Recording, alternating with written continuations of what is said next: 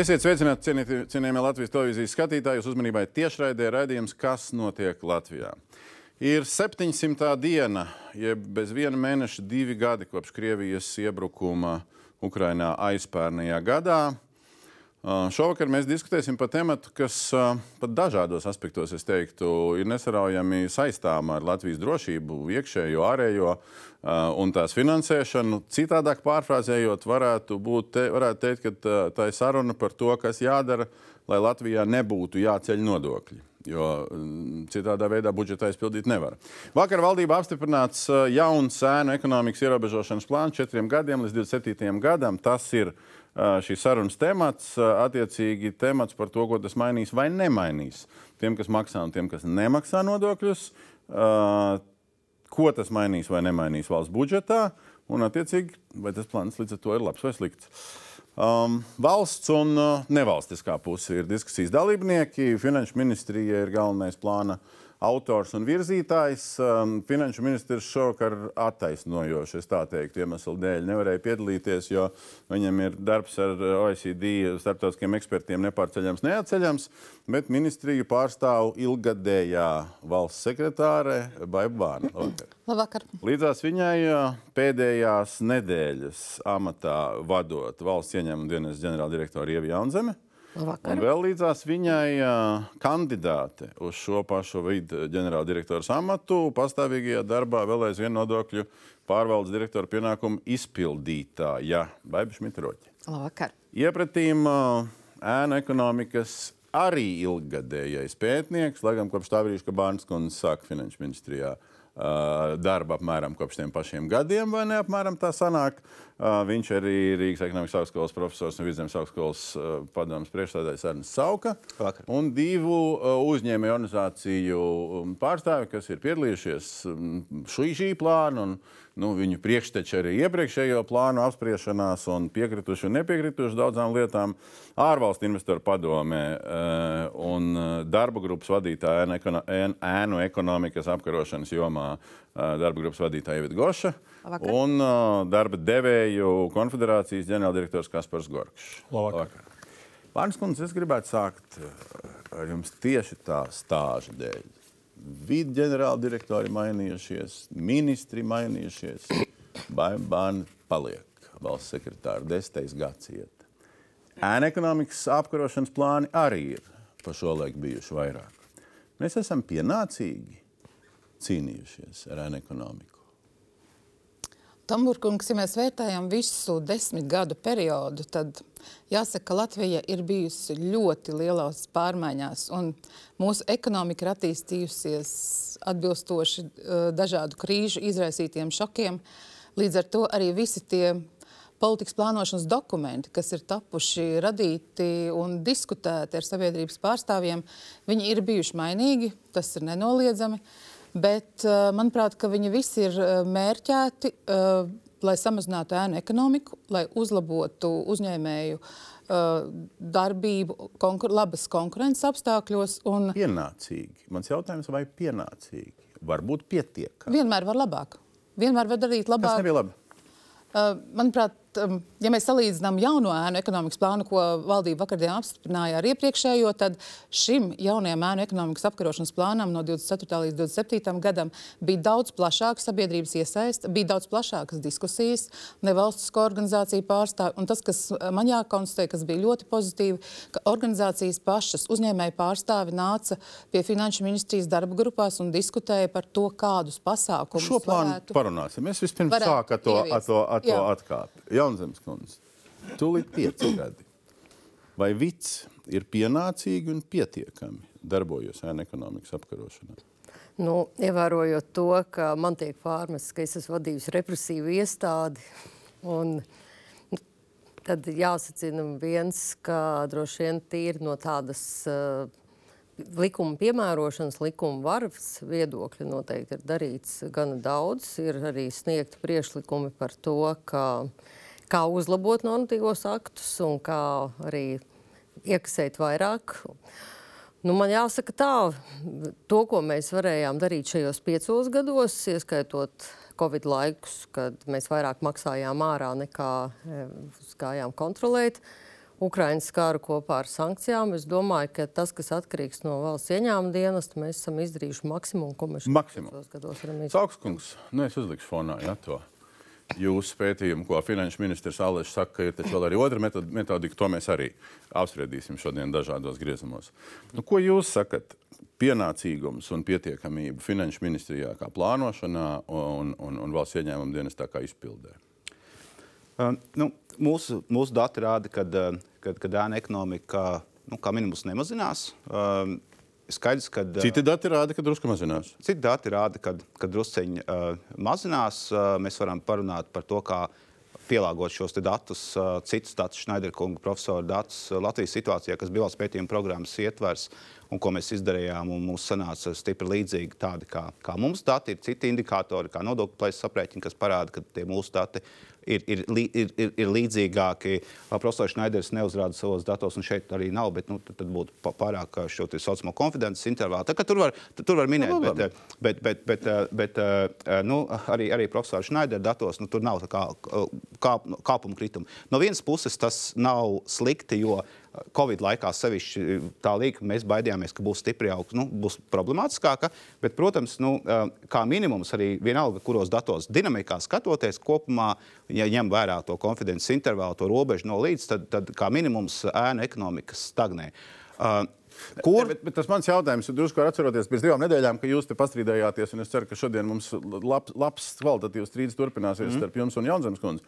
Jaunzemes kundze toreiz mēs arī virsrakstā ielikām to vienu vien citātu. Nu, lai kurš nāktu, lai kurš nāktu par ģenerāldirektoru, ja tie uzņēmēji turpinās masveidā desmitiem tūkstoši nemaksāt, nu, tad tas būs. Tad, tad viena puse ir, ko dara, vai ko valsts dara vai nedara, otra puse ir, kā uzvedās pilsoņi, maksā vai nemaksā. Jā, un, un, un, te- un, te es, un te es gribu izdalīt uh, to, nu, to racionālo izvēli, ja, kur, kur, kur daudz var valsts ieņemt dienas darīt, kur, kur tiesu sistēma netik labi strādā, kur, kas ir finanšu ministrijas atbildība, un, un, un, un simts punktu tur var daudz ko var labāk darīt. Bet vēl viena lieta, ko es arī gribētu pievērst uzmanību, tai nodokļu morālei, par ko mēs esam runājuši, un arī par ko es šodien gribētu, es nocitēšu, uh, politikas veidotājiem nevajadzētu apmierināties tikai ar vienkāršām tieši vērstām politiskām darbībām, kā izmaiņas nodokļu likumos, to piemērošana un stimulēšana. Rezultātā drīzāk, uh, nu, uh, respektīvi, uh, vajadzētu vairāk pievērsties lietām, kas ir grūtākas, un, un, un uh, jāizstrādā uh, uzņēmumu privātpersonu domāšana no tādas, kā izvairīties no nodokļiem, ir pieņemama. Uz, uz mūsu pienākums ir maksāt nodokļus. Tas nav tas, ko valsts dienas un finanšu ministrija īsti var izdarīt. Tas ir, tas ir tas, kas iet kopā ar ekonomikas izaugsmu, kas ir arī nu, tieslietu ministrijas, ekonomikas ministrijas, mazāk finanšu ministrijas uh, uh, sakars. Es varētu daudz runāt. Nē, nē, nē. to, Tagad, uh, tagad šobrīd uh, ie- ievadā pārāk daudz vēl nē. Ok, Uh, Sākuma novērtējums ir. Ejam iekšā tajā vakardienas valdībā uh, akceptētajā. Sāksim ar šito bildi. Tātad um, tika, um, tas ir precīzi no plāna ilustrācija, vis, vis, uh, nu, varbūt viskrāsainākā. Tātad sarkanais, uh, sarkanā līkne ir pēc profesora Šneidera, tātad uh, Latvijas ēna ekonomika no iekšzemes koprodukta zem viņas ir Eiropas vidējā. Un tad labā pusē ir tad, tad apgalvots, ka ir četri scenāriji bijuši iespējamie. Agresīvais, to mēs uh, tā kā nē. Ambicio, tas būtu budžetā 300 pāri miljoni. Ja? Es atgādināšu, ka mums deficīts budžetā ir uh, 1,5 un drusciņi vēl. Tad to nē, Uh, ambiciozo mērķi 208. Nē, mēra no uh, 72 miljonu arī nē, izvēlējāmies re, par realistisku nosaukto 120 miljoni gadā no ēna ekonomikas samazināšanas. Kas šis ir? Uh, Pirmkārt, tas, tas 1% četros gados. Ja jūs skatītāji paskatīsieties šo te ēna ekonomikas apkarošanas plānu, tad, tad Finanšu ministrija nu, plāna veidotājs raksta, viņi atsaucās uz mūsu valsts pētījumu programmu, kur, kur mēs esam teikuši, ka, ka četru gadu laikā mēs, mēs prognozējam, bet ar uzsvaru, ka jā, nekas netiek darīts. Covid ir bijis vēl visādas. Ja nekas netiek darīts, pats par sevi nokritīs. Par 1% dabiski ēnas četros gados samazināsies. Pie tam šo aprēķinu mēs taisām nevis uz Schneider metodes, bet uz kalibrētās Schneider metodes, kas ir nevis 19, bet 26%. Tu tur ir bijis paņemts vēlamais 19 un, un, un, un, un pateiks, ka būs aktivitātes, kam dabiski ir jānotiek. Sakskungs, šis ir tas, par ko jūs uh, iepriekšējā reizē teicāt, uh, trūkst ambīciju. Nē, nu, paņemam no otras puses. Es vienkārši Nu, teicu, vienkārši jā vai nē? Ambīcija, nu kā, nu, pat ja 120 miljonus no 2,7 miljardiem četros gados, un tas ir 2020. tā cena 2,7 miljardi, nu, var tur diskutēt 2,5, 2,7, tas ir robežā. Ja? Bet, bet ja tā, un tas ir 2020. Uh, 20. gada cenas inflācija klāt. Ja no 2,7 miljardiem četros gados samazina par 120 miljoniem, tā ir ambi šāda ambīcija var būt tikai tādā gadījumā, ja vieglāk naudu ir paņemt uz, uh, uz budžeta deficīta vai, vai uz, uz, uz valsts uh, aizņēmuma palielināšanas līmeņa. Nu, tā nav nekāda ambīcija vispār. Vispār nav ambīcija. Nu, vispār. Nāk, padiskutējam. Ap- jā. Nāk tagad jauna vidu vadītāja, un viņai priekšā plāns, kas nav ambīcija vispār. Pētnieku un lietpratēji. Es acīm. varētu komentēt. Labi, sākat jūs Jā. aizstāvību. Uh, es nedomāju, ka tā ir aizstāvība. Es vienkārši gribētu izskaidrot, ka Plāna aizstāvība. plāna, plānā paredzētie pasākumi ir ļoti līdzsvaroti. Es jau minēju, ka tā ir diskusija bijusi ļoti plaša diskusija starp nozara asociācijām, uzņēmējiem, starp nozara ministrijām. kam Uzņēmēji vainīgi, ka nav lielāka Pagaid, ambi- ambīcija. Starp nozara ministrijām, kam ir jāievieš ministrijas pasākums. vainīgs. Uh, Dambarkungs, uh, šis novērtējums ir veidots uz valsts ieņēmuma dienas sniegtiem datiem par to, kādus pasākumus ieviešot, mēs varam dabūt uh, budžetā papildus ieņēmumus. Budžetā ir jāiekasē papildus ieņēmumi, par to mums nav domstarpība. Bet tā, tā nav galvenā tēma, kas Jūs kas noredzat risināta šeit. teikto, ka pa- pats no sevis nokritīs par 0,25 gadā vidēji? Um, Es teiktu, ka, ja ekonomikā, nenotie, ja ekonomikā mazinās nenoteiktība, tad iespējams, ka pasākumi sniegs vēl lielāku efektu. Jāņem vērā tas, ka ir vesels pasākumu izstrādes plāns, kur izstrādes rezultātā tiks precizēts šis novērtējums. Tas ir sākotnējs novērtējums. Mēs nevaram, veidojot budžetu, ar Eiropas komisiju saskaņot vienkārši tāpēc, ka mums liekas, ka ēna ekonomika samazināsies. Kāpēc mēs 1%. nevaram uzlikt ambīciju nevis 1%, bet 2,7%? Mēs varam, bet ja nav pasākuma neuzlikām? konkrētajā brīdī, ar kuriem nopamatot. Nē, es saku, sniegtie dati liecināja, ka tas novērtējums, saliekot Dati? darbības virzienā, jā, tas ir rēķināts, saliekot Dati par darbības ko? virzienā par pasākumu ieviešanas ietekmi uz budžetu. Tāpēc Var- es saku, kāpēc nevar būt citi pasākumi vēl? Jā, bet tur ir jāatrod līdzsvars starp uh, motivējošiem pasākumiem, ēna ekonomikas samazināšanai. Šis ir tas un- līdzsvars. Es tomēr pajautāšu. represija. Jauna direktora nāk un šitāds plāns. Nu, pasaka. Eh, Jo vakar bija skaisti. Nu, te jāpasaka, ka mēs gadu dzīvojam bez apkarošanas plāna, ja, un tāpat tā sēna ekonomika mazinājās. Ja. Mums 2023. gadā nebija vispār nekāda plāna. Ja. Bet vakar valdībā skaisti pirms šitā skatīja to iepriekšējā plāna 21. un 22. gadam izpildu. Nu, ties, ka viņi pieņēma 22. gadā par 21. gadu, tas arī bija smieklīgi. Uh, bet, bet tur smuki tas pārskats. Izpildīts, izpildīts, izpildīts, izpildīts, izpildīts. izpildīts viss izpildīts. Nu, nav viss izpildīts. 70% izpildīti. O, o, Nē, pārējie 30% izpildi turpinās. Ja? Nu, viss normāli. Nu, pasaka, šitādu plānu jūs paņemat, ne baigi nav jāiespringst, un viss izpildīts. Es domāju, ka nav jāskatās šis ēna ekonomikas apkarošanas plāns atsevišķi pilnīgi no citiem plānošanas dokumentiem. Mums ir valdības deklarācija, mums ir finanšu ministrijas un valsts ņēmuma dienas darba plāns, bet galvenais mums ir arī nodokļu pilnveids darba grupa, kur ir šie būs šie motivējošie pasākumi. Ēnu ekonomikas apkarošana vienmēr tas ir ar represīvām metodēm. Tas, ko mēs redzam šajā plānā, tur ir vairāk dažādas iniciatīvas, normatīvu aktu sakārtošana, kas varbūt nevis pirmajā gadā, bet nākamajos gados nesīs šo pienesumu. Uh, tur ir digitalizācijas jautājumi, kas pilnīgi noteikti nākotnē e-rēķinu ieviešana, e-kvītas un tā tālāk, kas motivēs, atvieglos uzņēmējiem Es, es darbu. kaut kā varbūt pārfrāzēšu to jautājumu. Jo es jautāju par vienu, un jūs man prasa, sakat, par kaut, stāstat par kaut ko citu. Mans jautājums ir, vai jūs redzat, ka jums jebkādā veidā, kā potenciāli, ja jūs būsiet ģenerāldirektori, vispār ir jāiespringst, lai šito visu izpildītu? Jo man liktos, nu, tu atnāc, nu, tev, es, tur es nevaru nepiekrist profesoram. Nu, tu iespringsti, nu, tu gribi kaut ko nu, pārlikt pāri kaut kādām latiņām. Šitam tā kā vienu kāju pāri viss kārtībā. Es nedomāju, Nav. Kas ir grūti šajā plānā? Kas ir grūti, kas ir izaicinājums? Ir populāri teikt, visiem izaicinājumiem. Izaicinājums ir tas, ka valsts ieņēmuma dienas nav vienīgais šī plāna realizētājs. Ah, Tur ir ļoti. Nē, Nu, ne, neiet runa par vainas novelšanu. Nē. Mēs esam komandā ar daudzām ministrijām, tā skaitā ar uzņēmējiem. Bet te ir ļoti liela loma tieši uzņēmēju uh, organizācijām. Nu, tad iedodam uzņēmēju organizācijām vārdu. Uh, un sniegšos priekšlikumus. Kādā jūs esat tur kopā vienā laivā, vai jūs neesat vienā laivā, vai, vai, vai... Es varbūt vienu slaidu atpakaļ to pirmo. Man interesanti bija skatīties to lielo, lielo tabulu un prasīt, kāds, kāds, kāds, kāds, kāds tad ir bijis darbs. Un mēs redzam, ka uh, tā ēna ekonomika nu, tāda nemainīga ir bijusi lielā mērā. Tā viņa gājusi desmit gadus, kopš uh, es tad laikam vēl pa laukumu skraidīju un futbolu mm. spēlēju, un tā ēna ekonomika tā viņa ir gājusi līdz uh, šai dienai. Un jāatzīst, ka ēnu ekonomikas ierobežošana un birokrātijas mazināšana tā ir tieši valsts atbildība. Valsts, valstī ir instrumenti, kādā veidā uh, Nu, visu veidu. kopēju te nu gan nevar piekrist. Visu kopēju atbildību. Nu, kopēji ir izpildi, bet Jā. kādu politiku mēs veidojam, kādu uzņēmējdarbības vidi mēs veidojam, tas ir to nu, labi, tiešā veidā. Veidā ietekmēt, un rezultāts ir uz tablo. Tātad mūsu šī vide, kas ir izveidota, ir 26,5% ēnu ekonomikas. Uh, un no tā arī mēs varam atspērties. Tas ir labs vai slikts rezultāts. Nu, uh, akal, otrs, otrs tablo, ko mēra, tas ir tātad attiecīgais austriešu profesors. Uh, kurš mēra 19,92. gadā. Nu, otrs tablo. Es teiktu, ka vieglāk būtu, ja augstkungs ir šeit vismaz pēc vieniem no, nu, datiem vadīties, jo pretējā gadījumā arī lasot ēnu ekonomikas ierobežošanas plānu, tur tāda lēkāšana no vieniem datiem pēc otriem.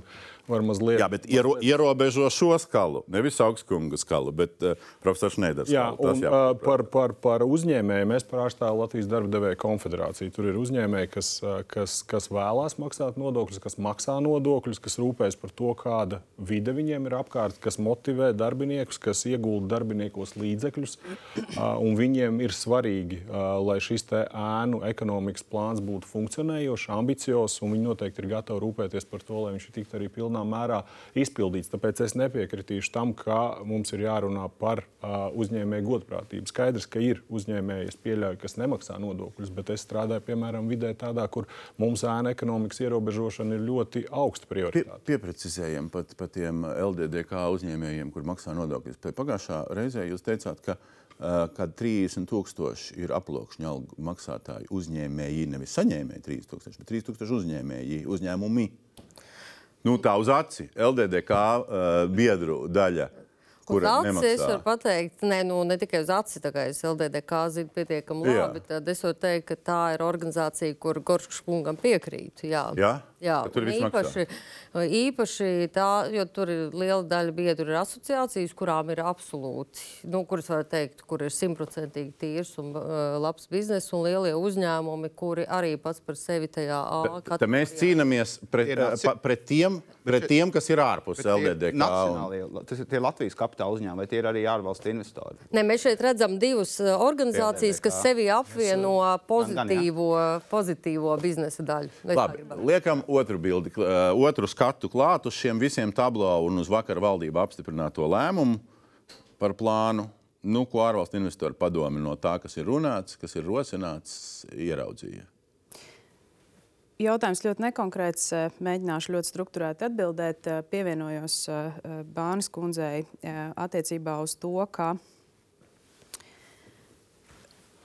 mēs nevaram tā ļoti melnbalti vispār raudzīties uz ēnu ekonomikas apkarošanu un arī pievienoties pārējiem kolēģiem, kā tiešām tā kopējā atbildība sabiedrībā ir mums visiem, gan valsts ieņēmuma dienestam, gan politikas veidotājiem un ārvalstu investoru padomus prāt ilgus gadus ir trūcis tieši politiskās gribas risināt ēnu ekonomikas jautājumus, un to mēs ļoti labi varam redzēt, raugoties uz iepriekšējiem plāniem. Jā, tad kopumā, lai arī vienmēr var labāk, kā minēts, šis plāns ārvalstu investoru padomus prāt kopumā ir labākais ēnu ekonomikas ierobežošanas plāns, kāds līdz šim ir bijis sastādīts, sagatavots. Ar ko? Tātad pirmkārt paši dati, kas ir šī ēnu ekonomikas apkarošanas plāna pamatā, analīze, kas ir veikta, lai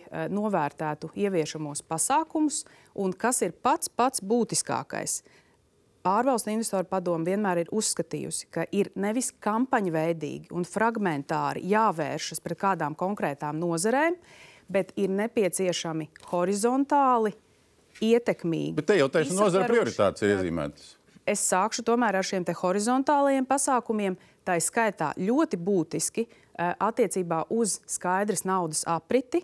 Un es uh, minēšu vienu konkrētu tātad, piemēru. Ir 2024. gads. Mēs jau ilgstoši, varētu teikt, desmitgadēm dzīvojam digitālā laikmetā. Mēs dzīvojam sabiedrībā, kurā 18 plus iedzīvotājiem ir 93% bankas konti. Mēs dzīvojam sabiedrībā, kurā uh, ir uh, bankomātu pieejamība, kurā notiek digitāli norēķini, bet kurā, piemēram, arī uzņēmumā ar 5000 darbiniekiem, viens vai divi darbinieki joprojām var pieprasīt algas izmaksu skaidrā naudā. Ja, tad, tad visiem pārējiem notiek digitāli norēķini, un tad pēkšņi grāmatvede vai grāmatvedis uh, pēc attiecīga lūguma uh, izmaksā naudu nu, burtiski aploksnē, ja? vai varbūt bez aploksnes. Nu, labi, šis Un plāns, šis- ja tā šis- palasa, šis plāns nepasaka, kad skaidrs naudas izmaksas beigsies. Nē, bet šeit ir tātad būtisks, būtiskas izmaiņas tajā, ka primārais algas izmaksas veids ir bezskaidras naudas formā. Turklāt, ja algas izmaksa turpinās e, skaidrā naudā, par to ir jāinformē valsts ieņēmuma dienas. Labi. Tas, protams, ir ļoti svarīgi. un, un, ar tagad pieķeramies, pieķeramies Groškans un pārējie visi pieķeramies, eh, pieķeramies šim tematam. Un, un, un, un, bet fonā ar, ar, ar šo bildi paša vida dati, ka nedeklarētā darba samaksa, jūs pieminētā nedeklarētā darba samaksa 22. gadā, nu, ņemot vērā inflāciju un algu pieaugumus uh, oficiālos, nu, mm, droši vien 1,7 miljardi ir uh, pietuvojušies tuvāk 2 miljardiem, ja, un tad attiecīgi sociālās iemaksas un, un IN, zilais un, uh, zil- zilās un, un, un, un zaļās Eh, tie stabiņi, klucīši, ja, nu, kopā 22. gadā tad nesamaksātie šie divi nodokļi kopā nopaļojam 900 miljonu. A mēs tikko skatījāmies, ka gadā tikai 120 miljonus mēs te budžetā vairāk. Tad, ko mēs ar to skaidro naudu iepratīm šitam te izdarām un neizdarām? Skaidrās naudas um, teiksim, samazināšanas pasākuma pati li- būtība ir tā, ka darba devējs varēs maksāt algu skaidrā naudā, bet viņš sniegs valsts ieņēmuma dienestam datus. Bet, protams, pamatnorēķina veids ir um, algas izmaksā bezskaidras naudas uh, norēķina ceļā. Uh, protams, tur ir vajadzīgi darba likuma grozījumi. Tie grozījumi vienmēr iet ļoti sarežģītu ceļu. Arī valdības sēdē uh, labklājības ministrs melnie, melnajā kā maksāja, tā maksās. Un jūs varat pieņemt savus noteikumus, cik jūs Saprotams, gribat. Ja, ja ieņēmuma dienestam būs vairāk informācijas, tad ieņēmuma dienestam būs iespējas labāk vadīt visus riskus un arī kontrolēt šos uzņēmumus vairāk. Mums ir uzņēmuma reitings, tik, tikko ieviests. Uh, ar uzsvaru uz to, ka tiem uzņēmumiem, kas godprātīgi maksā nodokļus, izdara visu to, kas ir no viņu puses nepieciešams, uh, lai, lai veiktu norēķinu ar valsts ieņēmuma dienestu. Uh, tie saucamie A grupa, reitinga grupas uzņēmumi, viņu, viņu sadaļā jau nav šādu, šādu datu. Tas Reitings, Sakskungs, reitings kompleksā ar, uh, kompleksā ar skaidrs naudas ierobežošanu. Cik nopietni, cik tēmēti? Jā, ja es varu īsi komentāru par, par, par Binskundas teikto iepriekš par to, par to 1% mazināšanu un kādā veidā. Nu, es, protams, arī ar Finanšu ministriju man, ar maniem konsultējos. Un, un, un tas, ko es stipri ieteicu un ko es redzēju, kad, kad, kad tur ļoti dominēja forma pār saturu. Respektīvi, tur bija, mēs, mēs ieliksim plānā tikai tos ciparus, ko mēs varam reāli pierādīt, ka mēs viņus atgūsim. Jo mums tur EK prasa, Eiropas komisija un, viss pārējais. Ja tas tiešām tā ir, tad, tad es jūsu vietā vienkārši komunicētu, ka, ka šie ir pierādāmie 120 miljoni, ko mēs nu, izņemam no ēnām. Bet, bet, bet nu, tur ne, nekur tas tā nav rakstīts. Bet realitātē tas var būt arī vairāk, un tas var būt tā. Un, un tad es to ambīciju varbūt arī sasniegtu. Tā kā, tā kā tu, tur ir bišku, bišku, bišku komunikācijas jautājums. Par, par, par, par, šo, uh, par, par šo jautājumu, ko, ko tikko uzdevi, uh, es sapriecājos sākumā. Uh, man arī patika aprakstošā daļa. Pusi no tā mēs bijām ar kolēģiem rakstījuši. Tas nāk no valsts pētījuma. Sapriecājos un Nē, nu sapriecājos, tur viss kaut kas bija labi sarakstīts. Sauku Kad- citāts. Kad, kad tur sauku citāts. Sauku kaut- baigi citēja, jā, jā, jā. Kolēģi, Es tur, es tur vienkārši tā, nu, biju tāds sajūta, ka es pats esmu rakstījis, jo es esmu pats rakstījis.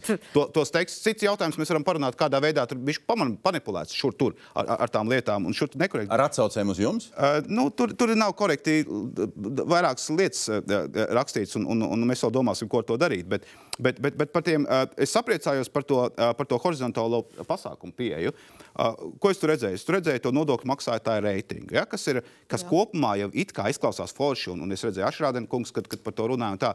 Bet es īsti nes, es, es tur skatījos dziļāk, kas tur ir. Un, un, un, nu, bija mums kādreiz baltais saraksts, bija mums tur vēl kaut kas. Un, un es vienkārši aizdomājos, uh, Jaunzemes kundze, iepriekš tajā radījuma kontekstā. Jūs taču teicāt, ja, kad, kad Vits zina, uh, nu, pa lielam var. Mēs jums ieteicām mašīnu mācīšanās metodas, un vēl kā, kā jūs varat izrēķināt. Tu, tu, tu, nu, ir zināms, tie, nu, tie nosacīti sliktie vai tie, vai tie riskantākie. Ja? Un, un, un, un, un, un, nu, nu, mēs arī iepriekš runājām ar ģenerālu prokuroru, klāt, kad ne jau tie, labi, tie reitingi ir bijuši visādi, bet, bet pieķeršanā jau ir problēma. Ir, ir, nu, kā viņus pieķert, kā viņus sodīt, kā viņus notiesāt līdz galam. Ja? Tur mēs daudz par to diskutējam. Viens reitings, otra iespēja pieķert. Tas ir bijis, tas neko baigi daudz nav devis.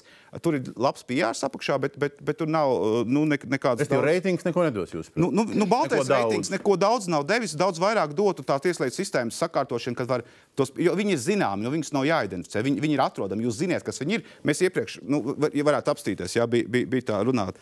Nu, par to skaidrs naudas aprits mazināšanu. Nu, um, tā ideja nav slikta bet viņa ir tiek runāta arī tos desmit gadus. Es ticēšu, tad, kad tas notiks. Es neticu, kad jūs to izdarīsiet. Es, es neticu, ka jūs to izdarīsiet. Pierakstam, pierakstam šito. Mēs te sākām. Mēs kopīgiem spēkiem mēģināsim. Nu, jā, jā, jā. Tas, tas jau ir daudz. Nu, Sauskungs, nezinu, vai baigi var iet uz ielas un ierobežot skaidrs daudz darījums. Analizēt jau atsevišķus pasākumus, bet man liekas, ka tas ir jā, man vismaz liekas kopskatā ar to par ambīciju. Jautājums par ambīciju. Es varbūt nokomentēšu no savas puses, ko es redzu no tāda ambīcija viedokļa. Mēs no LDDK arī esam pauduši, ka mūsuprāt šīs ambīcijas šajā plānā trūkst, un līdz ar to, no kurienes mēs atgūsim to naudu, jau paliek nu, otršķirīgi. Jo, ja mēs gribam atgūt 24. gadā 12 miljonus, nākamā 28 un 40 un 40, tajā brīdī, kad plānā ir ierakstīts, ka kopējais atgūstamo līdzekļu apjoms ir 980 miljoni gadā, tad uh, par kaut kādu ambīciju ir ļoti grūti uh, runāt. Un, ja mēs uzliktu tādu ambiciozu, nu, atgūsim pusmiljardu. Uh, tad ir skaidrs, ka ir jāmeklē, kur tieši mēs to meklēsim un ar kādiem līdzekļiem. Bet šobrīd ir, kā Augstskungs man liekas, teica, ka mēs varam uh, neko nedarīt un skatīties. Un es domāju, 12 miljonus dažādās darba grupās. Respektīvi, jūs, mēs, mēs no jūsu pašu, no jūsu pašu eksperta palūdzām, Jānis Hermans ir tas, kas ir rēķinājis pēc abām metodēm, jā, gan Sauks, gan Schneider metodas. Tā ir, tas ir neiekasēto nodokļu kopējās summas gadā. Ja? Viņš tur tagad ir nonācis jau pie, pie, pie 3,5. Es nezinu, Šaukskungs, vai jūs pats tam piekrītat ja? tādai versijai. Bet vienalga, nu, tad, tad viena versija ir 2,4 miljardi un 3,2. Jūs tikko pateicāt, tad uzliekam pusmiljardu ja? no šitā ambīcija.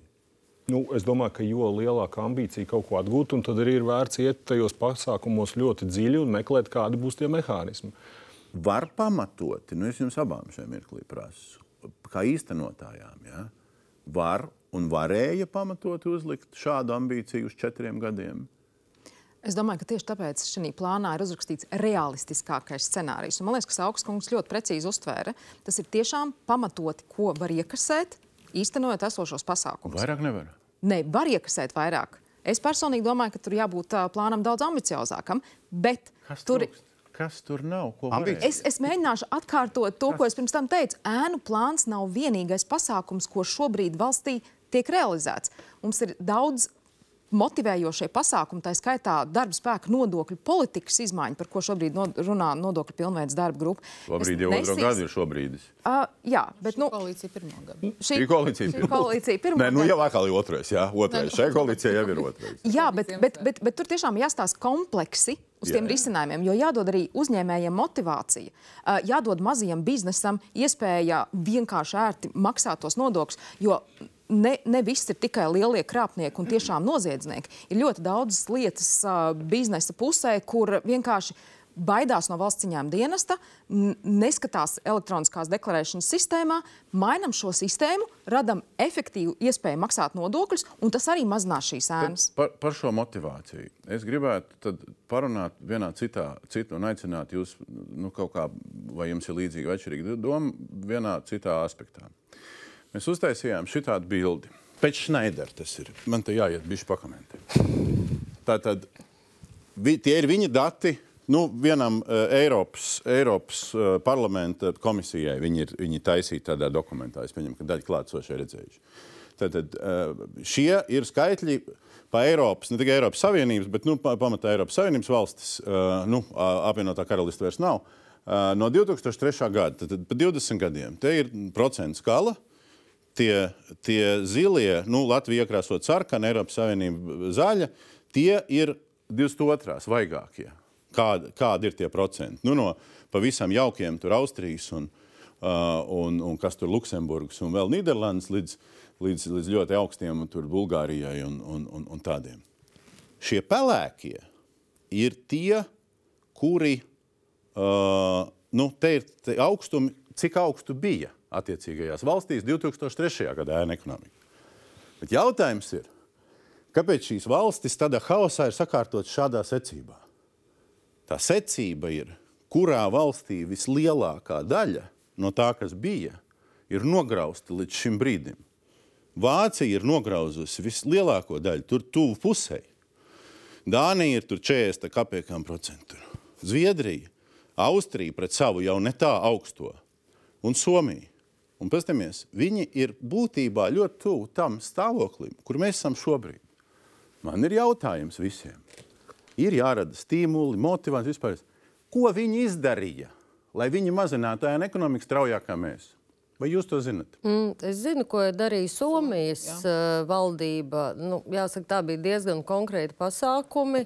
Izveid, arī tā skaitā, nu, kā saucam, Baltijas saraksti. Jā, tātad faktiski uh, liedzot jebkādu piekļuvu valsts licencēm, atļaujām uzņēmumiem ar parādiem. Speciāls šāds birojs. Viņa, viņš gan nav pie tur, Somijam tā īpatnība, ka viņi šo kā nepieskaita pie nodokļu administrēšanas. Tas ir atsevišķs birojs. Baltijas sarakstu labi vēl kaut kas? Jā, to viņa darīja Vācija. Somija bija ārkārtīgi plašs arī ar nodokļu morāli. Es ar viņiem arī esmu konsultējies viņi, viņi to izdarīja ārkārtīgi plaši. Viņi, Viņi, viņi ārkārtīgi ambiciozi tam piegāja, ļoti daudz iesaistīja. Tur bija daudz, kas ar ko es te sāku. Tur, tur bija daudz tās aktivitātes, kas nav saistītas ar, ar, ar izmaiņām, pat nodokļos un tā, bet viņi, viņi, viņi daudz kur mainīja to domāšanas veidu ar ārkārtīgi daudz un dažādiem pasākumiem. Lielu daļu no kuriem mēs arī valsts pētījuma programmā uz, uz labās prakses, tā skaitā Somu, ieteicām. Nu, viņi plānā, diemžēl, nav. Un viņi, un viņi to pilnveido tā, kā, nu, tā, tā kārtīgi uzraugot, ejot līdzi. Fantastisks darbs, ko viņi tur darīja. Restīvi šādas lietas, kas, ko Somija darījuši, šeit plānā nav.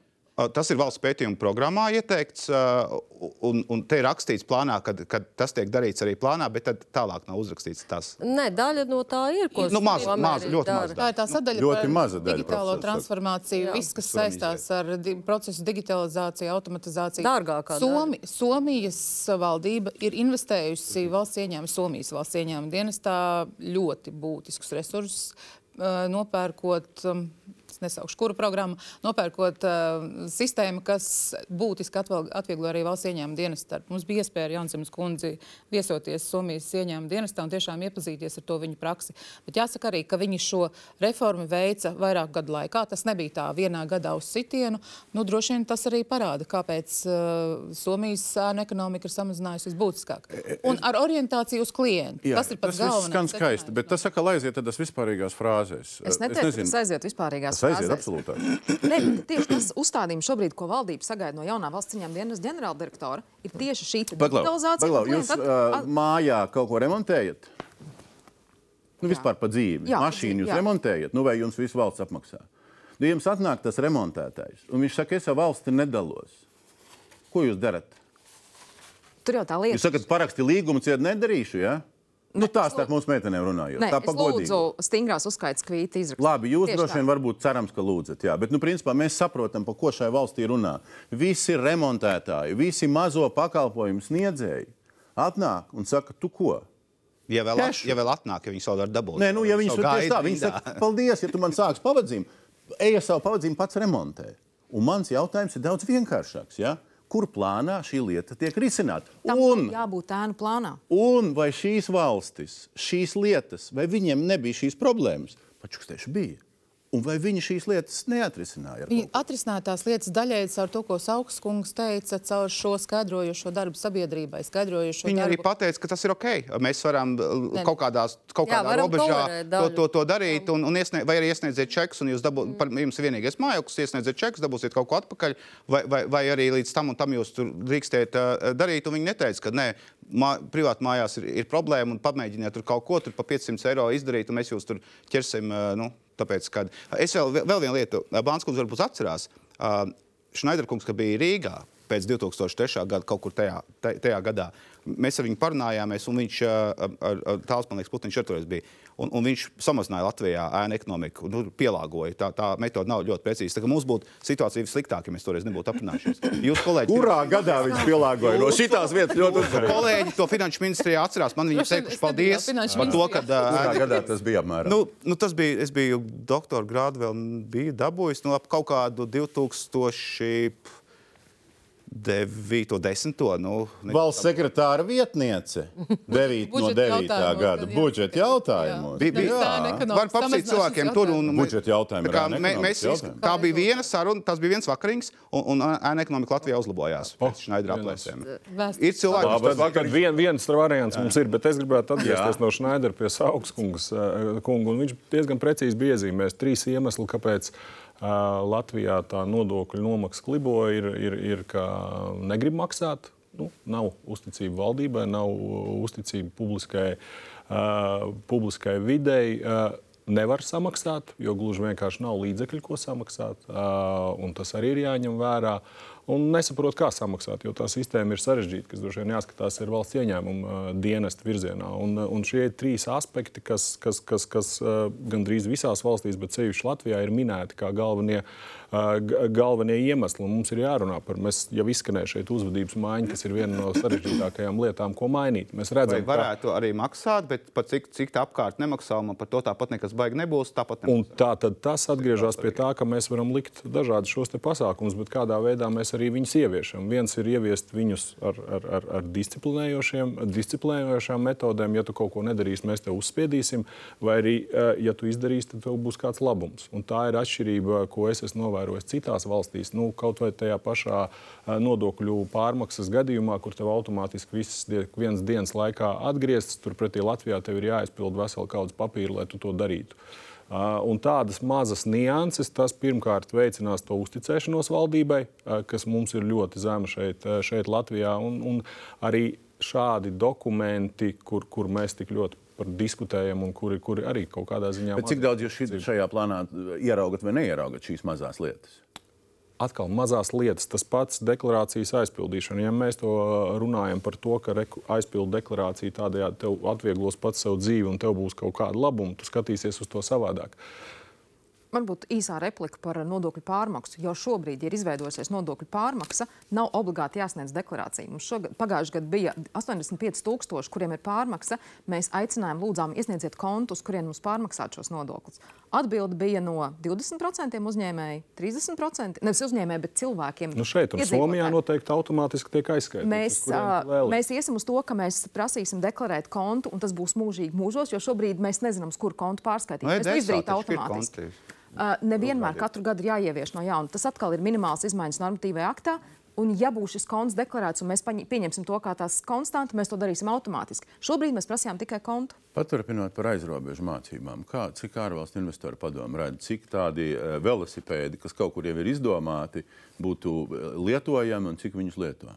Nu jā, šobrīd jau diskusija atkal ir eh, nonākusi līdz tādiem pavisam tādiem konkrētiem, varbūt tādiem Nu, kā citādāk? Cilvēkiem eh, vajag konkrētas elementiem, lietas. Bet, eh, nu jā, kopumā varbūt tie lielie virzieni, ko ārvalstu investoru padome saskata, ir. eh, Ka, ja mēs runājam uh, par skaidrās naudas aprites, un es gribētu liet, lietot nevis vārdu ierobežošana, bet vairāk tāda caurredzamība. Ja? Jo, jo, jo situācija, kurā eh, tātad, eh, piemēram eh, 2022. gadā eh, bankomātos ir iemaksāta skaidra nauda 2,4 Jā. miljonu Jā. apmērā. eh, Un, eh, un, un izmaksāt 5,6 miljoni. Nu, mēs visi ļoti labi Miljardu. saprotam, miljardus atvainojos. Jā, mēs visi ļoti labi saprotam, ka runa šeit nav par to, ka cilvēki ar šo naudu dodas nopirkt tābolus uz tirgu. Ja?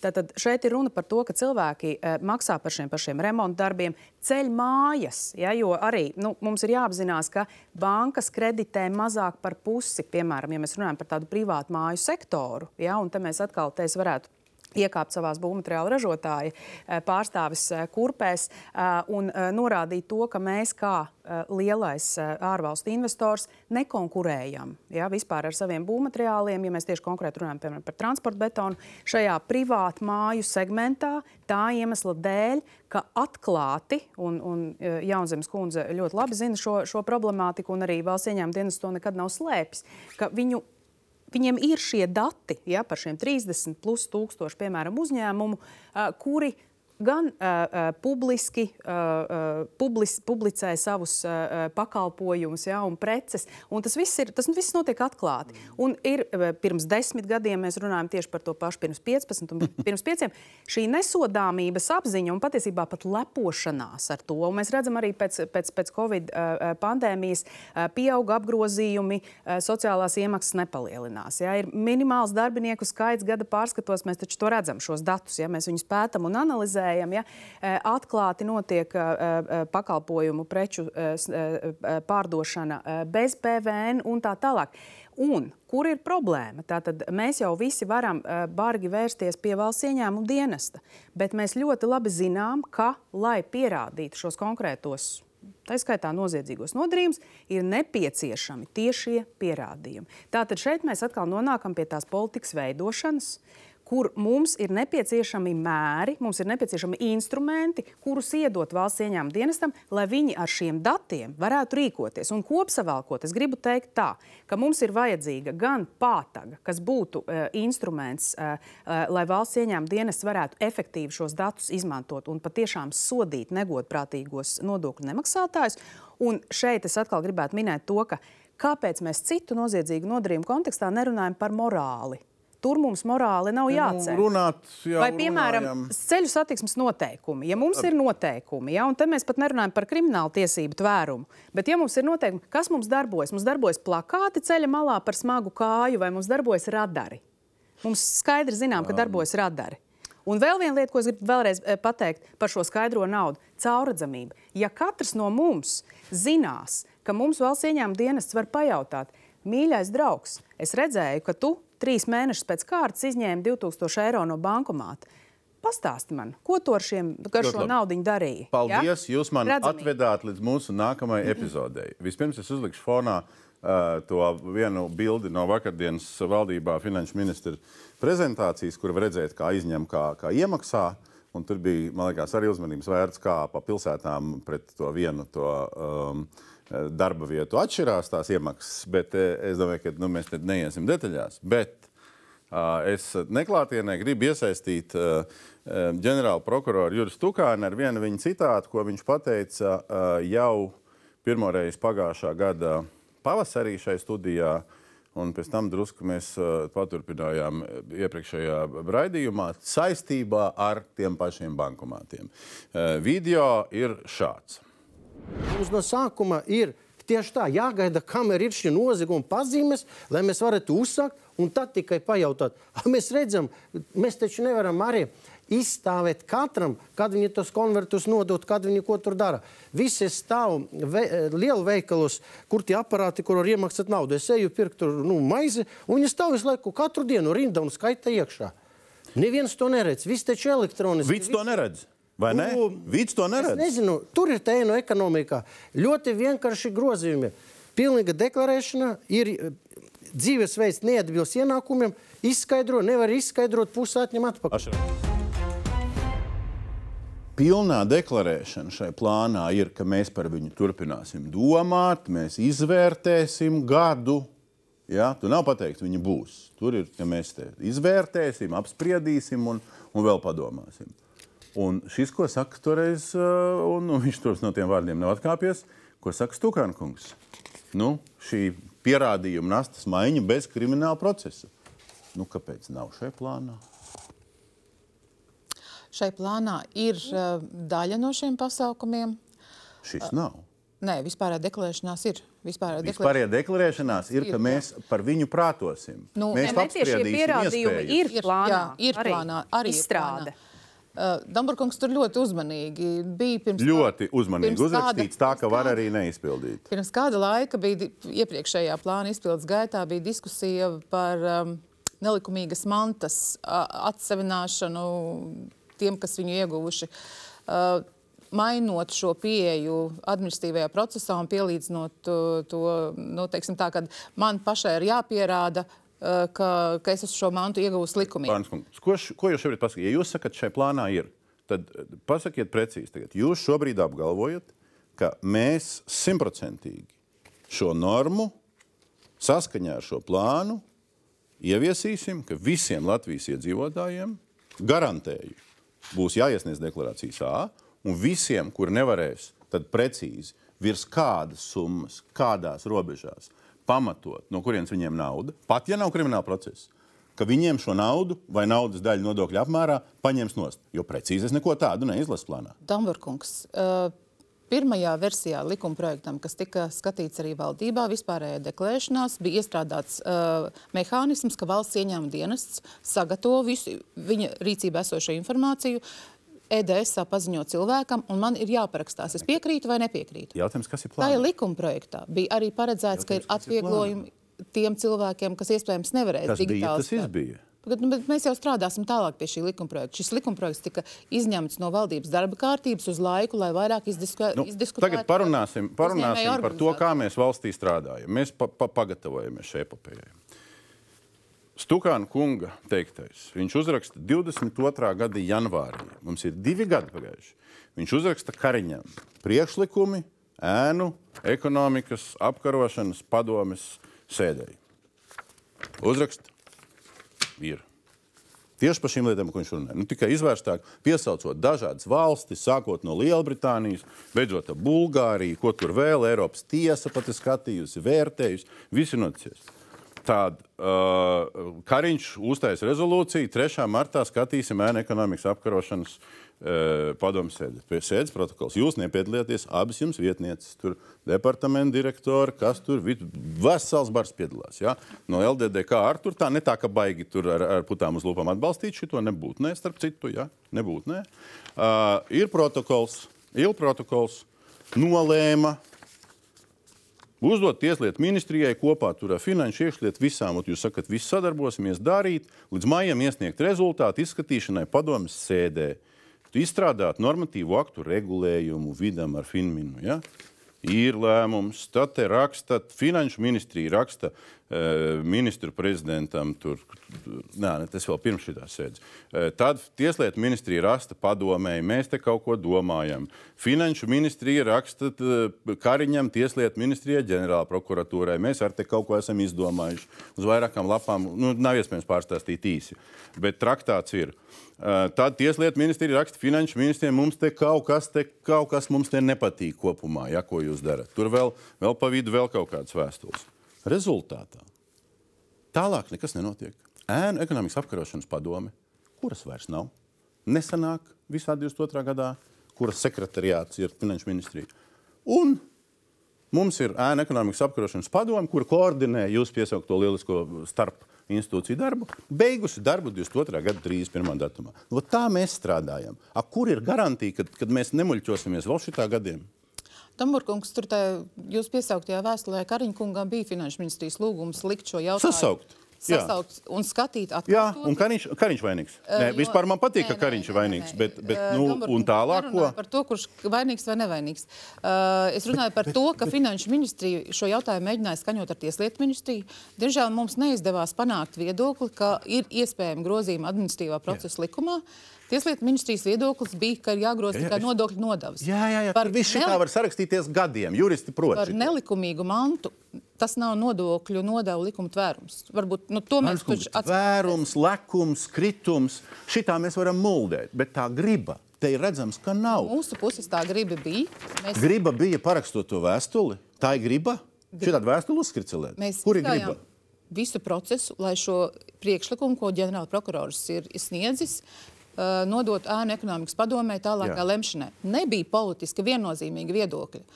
Jaunā konservatīvā partija bija citā viedoklī nekā citas partijas. Tā kā nu, Divi, divi precizējuši jautājumi. Un sakiet, kāds, kurš ir bijis klāt tuvāk. Ja? Tad, tad labi, uzrakstījām vēstuli. Un tālāk mēs tā kā interesējāmies, prasījām tur, nu, Kariņam, tur Evikai Siliņai, parlamentārai sekretārei, tur Patmalniekam, biroja vadītam. Hei, sasaucam sēdi. Rik mums ko izskatīt, Rik mums projektu uzrakstījām. Mēs gribam. Jūs esat desmit gadus vēl sekretāri, nu jūs viņiem visiem varat šitā piezvanīt. nav runa par- Ietekmīgākais ierēns valstī, piedošana. Nu, paldies par tādu novērtējumu. Bet, uh, es, es domāju, ka nu, ierēģi jau neveido politiķu darba kārtību. To veido politiķi. Nu, būsim godīgi. Uh, tas, ka ēna padomu jūs pieminējāt, beidz darbu konkrētā padoma, tas bija saistīts ar to, ka viņi bija izveidota terminēta konkrētā plāna uzra ieviešanas uzraudzībai. Šim Viņa iepriekš plānam, divreiz pagarināja uz nākamo termiņu. Šim plānam mēs uh, diskutējam par to, vai labākais veids ir veidot padomi pie ministra prezidents, pie finanšu ministra, vai saukt ministru komiteju. Š, nepro... Cik ilgi vēl diskutēsim? Ek... Ja jūs man ļausiet pabeigt, uh, tad uh, plānu vakardien apstiprināja valdība. Nu, droši vien, ka nākošais nedēļa varētu būt. Nu, gadu pa plānu diskutēja. Nu, varēja izdiskutēt, ne? Plāns vai vēl, vēl gadu jāapstiprina? Plāns ir jāapstiprina, lai viņu varētu sākt īstenot. Jāsaka, ka daļa no okay. pasākumiem, vai 11 gabali, manuprāt, jau tiek īstenot. Man šis liekas vienkārši, nu, vienkārši nu, Nē, nu, Bāns kundzes aizstāvībā viņai jau rīt uz darbu ir jāiet. Tas ir politisks okay. lēmums. Nu, uh, man, man jau patīk, kā, kā, kā jūs cepinat cilvēku, bet šajā gadījumā, nu, ko viņi ir pateikt, jā, nu, tas ir politisks lēmums, tur politiķiem ir, ir, ir, ir, ir, ir jāpieņem. Bet tas, kas ir. Uh, tas, kas man liekas, ir, ir ļoti svarīgi šajā pateikt. Um, pat ja šo deklarāciju pilno pieņemtu, pat ja tā ir vēl viena lieta, kam es neticu. Es neticu, ka zinātnē palielinās finansējumu, jā, es neticu tam iepriekšējam, un, un šā ir vēl viena lieta. Skaidrs naudas ierobežošanai es neticu, un es neticu arī, arī, arī, arī šeit. Bet, ja notiktu brīnums, un, un, un, un vienkāršā veidā atrastu veidu, kā, kā cilvēki visi deklarētos, un tad varētu vienkārši pieķert, nu, tu, tu esi deklarējies, un tad par tevi par to var sodīt. Es ielikšu kontekstā jautājumu par uh, par amatpersonu deklarēšanās jautājumu. Un amatpersonas ir stipri mazāk nekā, nekā iedzīvotāji. Un ir bijis diskutēts, ka nu, ar to lietu kaut ko vajadzētu darīt. Ja? Nu, ka tur, ka tur uh, kontrols švaka, ka tur daudz nedeklarējās par vēlu iesniedz, ja netiek ar šādu lietu galā. Nu, kurš tiks ar šo lietu galā? Piekrīt. Tur vēl varētu pielikt uh, par to amatpersonu ģimenes vairāk. locekļus, viņu deklarēšanos, ārzemju braucienus un, un, un dārglietas. No, salīdzinoši ar visiem. Kādā veidā, kurš kāds resurs tiks galā ar, ar šo, tas man nekad nav bijis uh, skaidrs. Nu, tur ir kaut kādi roboti jāsūta pa taisnību. Šī mums labi iespēja politiķi nav klāt, līdz ar to viņus var aprunāt. Ja? Ja. Uh, uh, tad vaina uh, ir politiķu uh, gribā iznāk. Nu, es jau to minēju iepriekš, eh, un, un uh, fakti to apliecina. Jūs arī tikko ar minēto situāciju to apliecinājāt, ka politiskās gribas nav bijis. Un es domāju, tīpaši, ja mēs raugāmies uz 2021. un 2022. gada plānu, kurš ir vienkārši līdz traģikomismam. Ja? Šie mēri, kas tajā ir paredzēti, ja? savvaļas velšu sadaļa vien ir ko vērta. Ja? Es domāju, arī jūs savā izpildīta. To, izpildīta, izpildīta jā. Kontrole ir notikusi, sēņotāju, ogotāju kontrole ir notikusi. Ja? Jā. Tieši tā, plāns ir izpildīts. Un tieši tāpēc es gribēju teikt, tomēr komplimentu Finanšu ministrijai par to, ka ar visām šīm ļoti sarežģītajām diskusijām, kas ir notikušas eh, šī pēdējā gada laikā, ar milzīgo pretstāvi, kura bija arī acīm redzama attiecībā uz šiem horizontālajiem mēriem un skaidrs naudas eh, aprites caurredzamības veicināšanu un, un daļēju arī ierobežošanu. Bet atkal es negribētu, lai mēs nonākam līdz šim narratīvam, ka tagad skaidra nauda būs kaut kādā veidā aizliegta, ja, kas diemžēl sabiedrībā cirkulē. Bet tiešām viss ir relatīvs. Un, ja mēs salīdzinām pagātni ar šodienu, un, protams, es piekrītu arī uh, Arnim par to, ka mums ir jāpārliecinās, ka tas viss tiks īstenots, un es varu apliecināt, ka ārvalstu investoru padome elpos pakausī. Šī plāna īstenošanas kontekstā, uh, tad tomēr nu, raugāmies uz to, ka In, ir labāk. Indeksā jūs elpojat katru gadu viņiem pakausētiem politiķiem, un viņi to, ar to pakaus aiziet telpu. Un... Nu, tomēr, tomēr. Nu, būsim reāli. Ir, nu, ir tur katru gadu ir tā kā, tā kā lejā. Jaunajai vadītājai arī elposim pakausī. Es ļoti to gaidu. Es arī esmu ierēdnis, man arī rīt jāiet uz darbu. Jā. Bet es šī plānā saskatu to politisko gribu tiešām mainīt. Mm. Un es absolūti piekrītu ārvalstu finanšu investoru padomēji, ka iepriekšējais uh, plāns bija represīvs. Un iepriekšējais plāns mums valsts dienestam spieda būt par represīviem. Griba. Uh, griba ir laba ir... lieta. Tas, ka nav konkrēti pasākumi par vispār jau deklarēšanu nodefinēti, ir tieši tāpēc, ka darbs pie tā notiek. Šis ēnu plāns nav tāds iezīmēts. Visu laiku notiek. Damburkungs, te ir stāsts par to, ka tas plāns var tikt mainīts, un es ļoti ceru, ka viņš tiks mainīts un pilnveidots katru gadu. Labs jautājums. Kas to ierosinās? Tas ir ļoti labs jautājums. Jaunā valsts ciņām dienas ģenerāldirektora. Apsolā, apsolās. Bet tad paturpinām atkal konkrēti. Tik piesauktie būvmateriāli, un kur mēs atnākam apakaļ pie, pie, pie tās būvniecības, un melnas būvniecības, lielas un mazas. Un tagad šis plāns ambiciozais vai nē, kā nu kurš vērtē, saka, ka līdzšinējo normu par būvniecību paša spēkiem mēs samazināsim no 400 kvadrātmetriem, ko var uzbūvēt no paša spēkiem, uz 170. Tātad mūsu cīņa pret ēnu ekonomiku ir, ka viens pats cilvēciņš paša spēkiem uzbliež 170 kvadrātmetru māju. To mēs atstājam. Tas ir normāli. Kā jūs tā nonācāt pie 170? Kāpēc ne 180 vai 150? Tā bija diskusija ar ekonomikas ministriju, ar nozaru pārstāvjiem, kas. Kur saucam konkrēti? Viņi visi tur LDDK sastāvā ir nozara pārstāvji. Es gribu redzēt, kurš vainīgs. Asociācija vairāk kārt ir norādījusi uz visiem mūsu pierīgas jauniem dzīvojumiem, nu, teiksim, jaun, bū, jaunbūvēm, kas, kas dīvainā kārtā ceļas tāpat Jā, jā, vien jā. no svaiga gaisa un Nu, skābekļa. Nu, Ja tāpēc, ka paša spēki ir pierīgā. Nu. Esat runājis ar cilvēku, kas nodevis ēku eksploatāciju. Es esmu pa, va, Jā, vairumā tad, runājis, eh, tad jā. jūs noteikti ziniet, būvu. ka Jā, arī, jā. visi, visi tie akti, kas tiek skursteņslauki, skursteņslauki, ugunsdzēsēji un Jā. visi citi, kas ir nepieciešami, viņi ir nu, ar norēķiniem skaidrā naudā. Protams. Plāns to paredz mainīt. Bet 170 kvadrātmetri paliek paša spēkiem. Nu, mums nu, droši vien ka ir jābūt kaut kādai robežai. Nu, arī 200. Ne, tāpēc es prasu, kā jūs to Arī izdomājāt? Nu? 200 kvadrātmetri būtu diskutējams jautājums, bet tas tika, es saku, diskusija ceļā. Mēs Es domāju, ka šeit tomēr ir uh, jāpiebilst tas, ka uh, ir ie- ietv- ietvert arī papildu lieta, proti, ka uh, BIS uh, sistēmā uh, arī privātpersonai būs tomēr jāsniedz informācija, no kurienes naudiņa. Jo tas, kas šobrīd uh, ir noticis, atkal apko, apkopojot ja, uh, situāciju uh, šajā te privātmāju segmentā, to daļu, protams, ko finansē kredītiestādes, ja, tur vismaz ir jāiesniedz kaut kādas tāmas. Nu, tomēr bankas prasa mm. ja, teiksim, šo ienākumu atbilstību. prasa pat par daudz, Un, un, un bankas prasa daudz, un, un tas ir labi. Bet lielākā daļa šīs būvniecības notiek ārpus hipotekārās kreditēšanas sistēmas, un līdz ar to tur nevienu neinteresē. Ne naudas izcelsme, tā varbūt vispār ir kaut kāda tur krievu un irāņu un kāda vēl nauda, eh, un otrs, eh, kā tad finansēs, ja? kā tad pelnīs to naudu un kā tad, eh, kā tad finansēs šo būvniecību.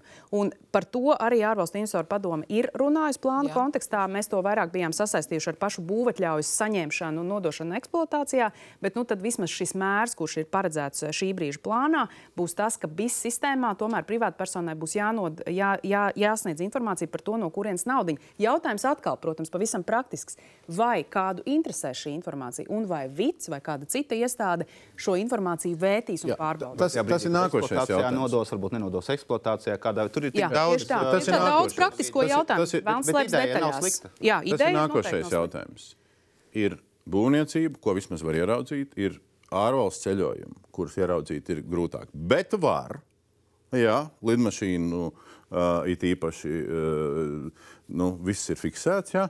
Uh, nu, ir visādas privātas kolekcijas un visādas smalkas lietas. Jā. Cik nu, no fiziskām personām? Mēs te daudz runājam smuku par uzņēmējiem, ja, bet nauda vienalga vien, beigās gulstās pie fiziskas personas. Ja. Nu, cik no fiziskām personām Baltajā, Melnajā un Pelēkajā ekonomikā sniedz deklarācijas, nesniedz deklarācijas? Ja? Nu, pilngadīgām personām. Nu, cik vids tā reāli pārbauda gadā? Nu, kaut piecos gados, gluži nejauši termiņā tādā. Jā, nu, man uzreiz jau cik, eh, jā, jāsaka tā, ka saraksts, kas ir saraksts, viņš tiek izveidots katru gadu, ja mēs runājam par jaudu vai kas strādā ar fiziskām personām, nu tie nav simtiem cilvēku. Nu, tas sāksim ar to. Nu, es varētu teikt, sarakstā parasti ir kādi tūkstoši cilvēki, kas tiek atlasīti uz pārbaudēm. Nu, apmēram līdz 200 arī var nokontrolēt. Tā ir nu, tāda proporcija, kas ir normāla pasaulē, jo mēs vienmēr atgriežamies pie kā. Resursi ir ierobežots, un kā jūs arī minējat, ir visas šīs prioritātes. Nu, un tad ir nākošais tas jautājums, vai tie tūkstoši cilvēki, tūkstoši cilvēki ir tie īstie, uz kuriem vispār trāpīt. Vai arī kaut kā jocīgā kārtā līdz īstajiem netrāpa nekad. Jo, ja tūkstoši cilvēku gadu laikā, tad simts gados līdz vienam otram var net, netrāpīt. Nē, nu kā, nu, parasti tā riskos balstītā pieeja gluži vienkārši ir risku, ir risku eh, saraksts, pēc kura tiek atlasīts personas pārsvarā pēc, eh, tieši pēc tā, pēc nekustāmiem īpašumiem, Šis ir tas mašīnām. brīdis, kas varētu piecelties, pateikt, man sauc Arnis, un es esmu Jā. Bijis pārbaudīts. Un jūs teicat, labdien, Arni! Uh, jo, jo man, man arī vienreiz pārbaudīja. Es nezinu, Bet vai, kā- vai, vai, vai, tiešām pamatu. vai sauku vajadzēja pārbaudīt? Nu, nu, viņš viss, tiešām jā, nē, nē, aizdomīgākais. nē, viss, nē, Tur bija, tur bija pamats. Tur bija, mēs ņēmām hipotekāro kredītu ģimenē.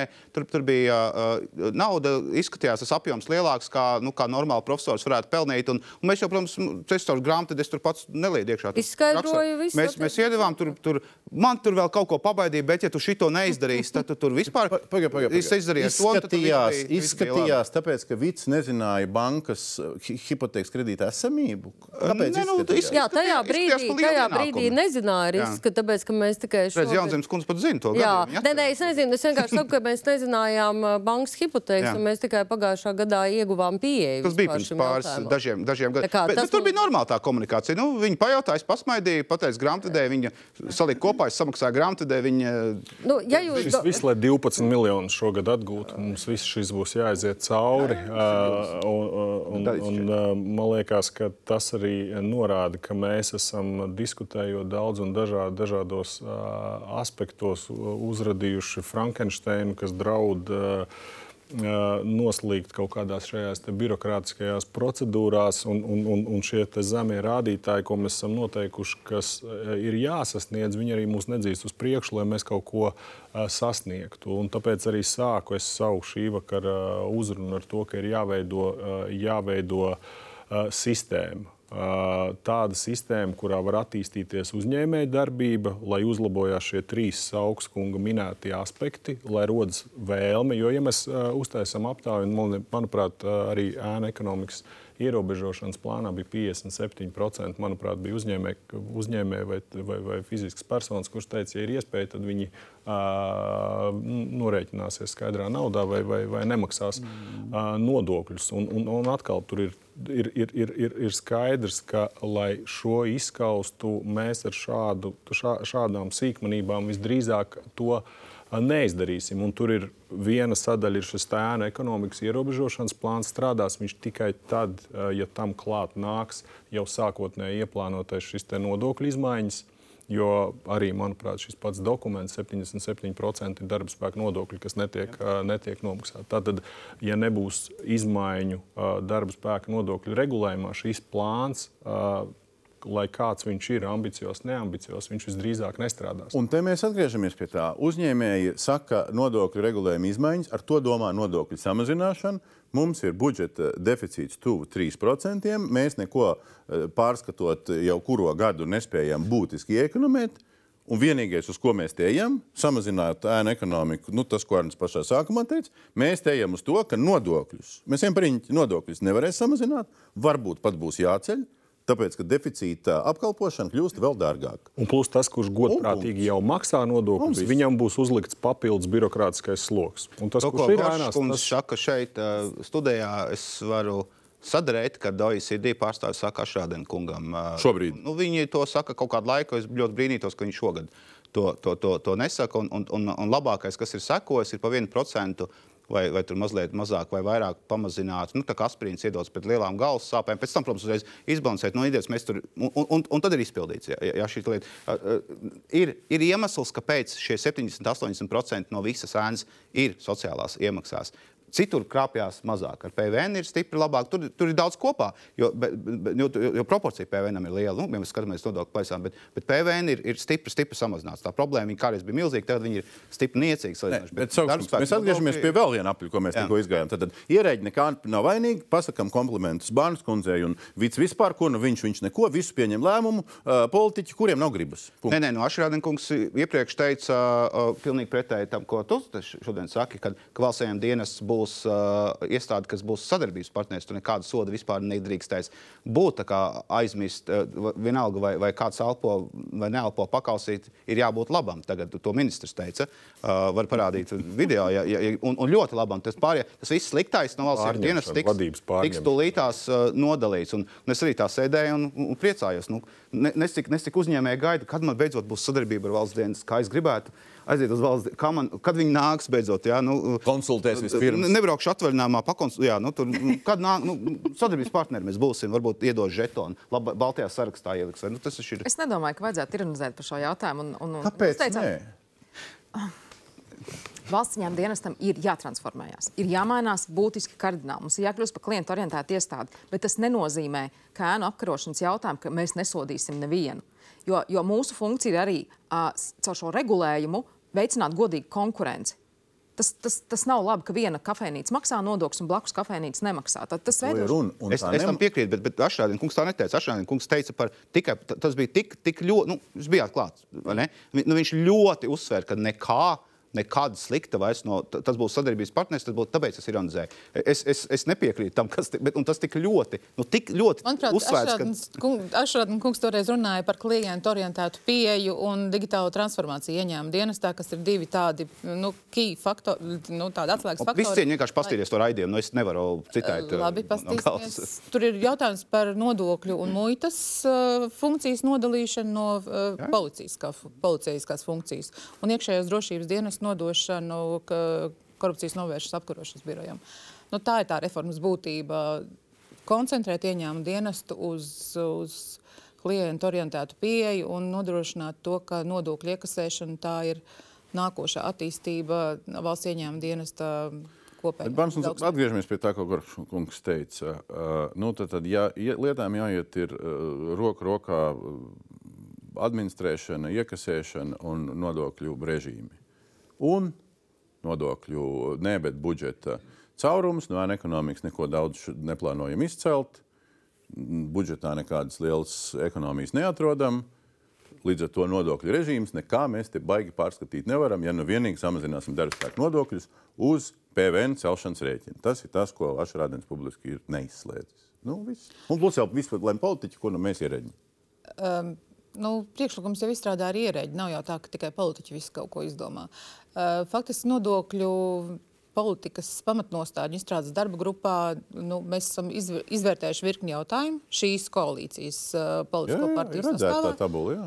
Jā, un uh, tagad notiks diskusija par to, ko, ka, ko koalīcijas partneri vēlas atbalstīt vai vēlas prioritātes Nu, noteikt. vai- nosauciet vienu piemēru, kas uh, veicinātu to motivāciju cilvēkiem tai, dzīvot taisnīgākā valstī un caur to taisnīgumu uh, vairāk dalīties ar valsti. Es jums piekrītu, ka ir vairāk jāskaidro, Nevienu kur piemēru. aiziet. Nav nekas nodokļu- jāskaidro. Ne, nodokļu Nē, nav nekas jāskaidro. Nomaksa aiziet tiem mērķiem, kam uh, likumdevējs to ir paredzējis. Banskundze, nē. Sociālās apdrošināšanas iemaksas aiziet katra cilvēka Banskundze, sociālā Es pārfrāzēšu jautājumu vienkāršākiem vārdiem. Ir cilvēciņš, kurš gada laikā uh, saņem uh, 2000 20 tūkstoši un 5 eiro un maksā 23%. Ne? Nu, Un tad ir bērns kundze, kura gada laikā saņem tur, cik bija pat 22. gadu, kad 130 tūkstoši ieskaitot divas algas. Ja? Nē, tik daudz nebija, bet nu labi. Nu, tu, tu tam, ja? Tad viņa pusi no algas, šīs algas, arī maksā 23. Un tas cilvēciņš nu, līdz 78 tūkstoši. Visi, kas no 20 līdz 78, visi maksā par šo apjomu 23. Un tas cilvēciņš domā, ka nav taisnīga tā valsts. Nav taisnīga. Mums nodokļu sistēmā ir ieviesta progresivitāte. Jā, jā. Jā, jā. Un visi tie, Ir. kas saņem 77 gadā, tūkstoši, arī maksā 23. Un viņš saka, nav taisnīgi. Jūs te, to fiktīvo progresivitāti uzkarat uz nagliņas, un es nedalīšos ar valsti.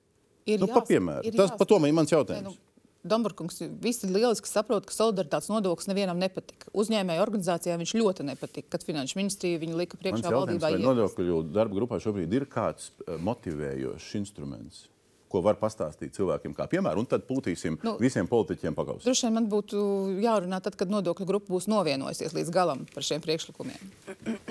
Kas varētu būt motivējošs pasākums? Tajos, tajās Somijās, Somijās, Zviedrijās, Dānijās, eh, kur, eh, nu, pa, pa ko mēs runājam par iepriekšējiem gadiem. Tur, piemēram, man ļoti patīk tas stāsts, paliks, ka pa Vāciju ar tur ir tā versija, ka tu maksā visus tos mazos maksājumus, tur dārzniekam vai, vai remontētājiem vēl kaut ko, un tas caur to iet uz nodokļu atlaidēm vai atmaksām. Nu, ka tā motivācija ir, ka tu samaksās viņam vairāk, nu, vienosies pa balto strādāt, un dabūs apakaļ to. Nu, tas, tas ir ko es motivējoši. minēju sākumā. Tam nav jābūt ēnu ekonomikas apkrošanas plānā. Tas ir Bet šis nav nodoklis- nekur. To viņš, viņš parādīsies nodokļu pilnveids darba grupas uh, pasākumā ne tikai kopā par pārskatot progresivitāti vai mm, diferencēto neapliekumu minimumu pārskatīt, bet arī skatīsies par mazo režīmu vienkāršošanu. Nu, lai, zinu, ja man mēs- atnāk remontētājs, lai es viņam iedot aplikāciju, viņš piespiež Saugskungs pogu klāt bija, man liekas, ka tas, jā, Jaunzemes kundze arī bija klāt pavasarī, kad bija Tirzniecības rūpniecības kamerā tā diskusija. Šito pieminēja Rītiņas kundze LTRK viceprezidenta, ja? Nu, kur te pagājušajā gadā nodokļu darba grupā kāds šito ielika, neielika? No. Ašarādienas ar te diskusijā bija neielika. Līdzīgs režīms strādā lauksaimniekiem, sezonas strādnieku reģistrēšanai, lauka atbalsta dienestam ir datu bāzes, kur to var izdarīt ļoti elementāri. Tur nu, nav tā, ka Latvijā nekas nav izdomāts, lai būtu vieglāk nodokļu nomaksāt. Ašādi kungs ir minējis, ka ir jā, tālāk jāstrādā pie tā, lai novienkāršotu nodokļu nomaksu, lai tā kļūtu ērta un cilvēkam nu, teiksim, tā, maksimāli pieņemama. Aizķeroties es tā, ko jūs teicāt, ka jūs būsiet ģenerāldirektori, tad no jums nāks tie ierosinājumi, kā mainīt šo plānu vai, vai, vai ko darīt vēl. Nu, izspēlējam to spēli šīs sarunas eh, noslēguma cēlienā. Nu, ko vajadzētu pamainīt tā plānā? Vienalga, lai viņš būtu ambiciozāks, vai viņš būtu efektīvāks, vēl kaut kāds. Pirmkārt, es gribētu sagaidīt uh, ministru kabineta akceptu, lai es varētu droši teikt, ka es būšu jaunā valsts ieņēmuma dienas Un ģenerāldirektora. tāpēc tagad drošības pēc neteikt neko. Nē. Otrs, otrs virziens, man ir ļoti daudz diskusijas bijušas ar LDDK, LTRK. Un es esmu ļoti daudz priekšlikumu sadzirdējis no uzņēmējiem. un Tas ir tas, kas līdz šim pēdējos gados varbūt ir iztrūcis, ka ierēdniecība mazāk sadzird uzņēmējs. Mēs varbūt klausāmies darba grupās un aizmirstam. Tad Bet tas ir- viens konkrēts piemērs, ko, ne, ko, ko Mazai, nesadzirdēju. piemēram, šis te mazais bizness atnāk remonta strādnieks pie manis salabot veļas mašīnu, es viņam iedodu aplikāciju, viņš ievada savus rekvizītus, šis norēķins iet caur saimnieciskās darbības ieņēmumu mm -hmm. kontu, un principā banka pati ietur nodokli. Šim, uzņēm, šim cilvēkam nav pat jāveic grāmatvedības uzskaita un tā tālāk. Šobrīd to dara mm, mikro uzņēmuma nodokļu maksātāji. Mēs varam mm. pārējos mazos režīmus. Es šobrīd ļoti vienkāršot izstāstu kā vienu piemēru, bet tas ir tā mazā biznesa motivējošais elements, lai viņam būtu viegli, ērti maksāt nodokļus. Un te ir šis te valsts ņēmuma dienesta pakalpojumu digitalizācijas stāsts, ka mēs šo piedāvājam piemēram caur mobilo aplikāciju. Labi, pieliekam līdzsvaram, vai jums ir otrs piemērs, kas ir tas, ko es nenocitēšu precīzi, ko Saugskungs teica, bet, nu, lai būtu cilvēkiem, eh, kas iet pa melno, nu, tur, kurš pelēks, kurš tumšs pelēks, kurš pa melno, ja, lai viņi vairāk baidītos. Nē, nu, tas ir tas stāsts. Mēs visu laiku ejam caur represīvām metodēm. A, tādu neko nevajag, lai viņi vairāk Nē, baidītos. tur jau tā lieta, ka mums ir ļoti spēcīgs analītiskais dienests. Un te ir vienkārši jāskatās, ja mēs ilgus gadus strādājam pēc vienām un tām pašām analīzes metodēm, nu, kaut kas ir jāpamaina, ja šis rezultāts ir tāds, kā ir uh, Saukas kunga pētījumā, piemēram. Uh, mums ir uh, daudz analītikas arī citos uzraudzības iestādēs uh, veiktas, un es domāju, šī zinātības apmaiņa piemēram, finanšu izlūkošanas dienestu, piemēram, šī banku uh, informācija par izņemto skaidro naudu, kuri cilvēki ņem. Un tiešām tas jautājums, ja tu nestrādā vispār nekur, bet tu izņem šo skaidro naudu, no kurienes tas radās.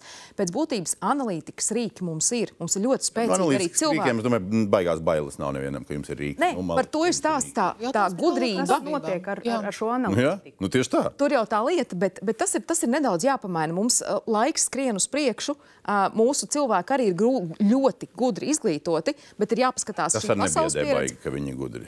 Bet, bet Baigi tas ir tieši nebiedē. tas jautājums, kā mēs pēc tam to izmantojam. Un, ja Jautājums ir, izmantojam jums, jautājums ir, vai jums uz jautājumu ir atbilde? uh, man ir daudz ideju. Nu, vēl vienu padalieties. Nu, nu, ko jūs te tā baigi tā uzsitat cenu? Nu, man ir ideja, es jums neteikšu. Nu, Nē, nu- Mēs visi kopējā sabiedrībā dzīvojam. Nu, ka, nu, kā, kā, jums tā kā servis tā kā skatās mūsu cilvēki, tie, kas jums klienti. Viens no digitalizācijas piemēriem ir e-rēķina ieviešana, kur daudz uzņēmēji baidās no tā. Bet ir liela daļa godīgo balto uzņēmēju, kas pasakā, jā, mums vajag, mums jau šobrīd ir e-rēķini. Un tur ir tas stāsts, ka šie e-rēķini jau notiks, aut nonāks automātiski valsts ciņām dienestā rīcībā, un mēs ļoti daudz atkal redzēsim. Saukskungs, ko jūs pieliekat klāt, kas uh, būtu jāpamaina vai, uh, vai jāizmet ārā, varbūt arī es nezinu. Um, nu, par to Gorškungs labāk droši vien runāt, un arī ārvalstu investoru padomus uh, pārstāv, bet uh, tā ģenerāla vienošanās ir, ir uh, vairāku ģenerāla vienošanās iešana uz, ir, ir viens no horizontālajiem pasākumiem. Es vienkārši ļoti labi atceros uh, būvniecības gadījumā Latvijas būvniecības partnerība. Es tur arī sadarbojos ar viņiem ēnu ekonomikas. Bija, nu, ne, ne, ne, ne tā kā es tur kaut ko daudz darīju. Tur, tur baiba bļodniece ļoti daudz ko darīja, bet, bet būvnieki maksāja nu, abnormālu naudu, uh, lai, lai uzturētu šo visu. Un, un es atceros, ka, ka tur bija liela problēma, un, un es ceru, ka varbūt ar, to arī var mainīt šajā attieksmē, sadarbībā, kad, kad, kad tur tika likti argumenti, tur tika parādīts. Tur, ne jau no valsts dienas vai finanšu ministrijas, tur bija Sila Nedela nāca viss. Tas, nāca no turienes.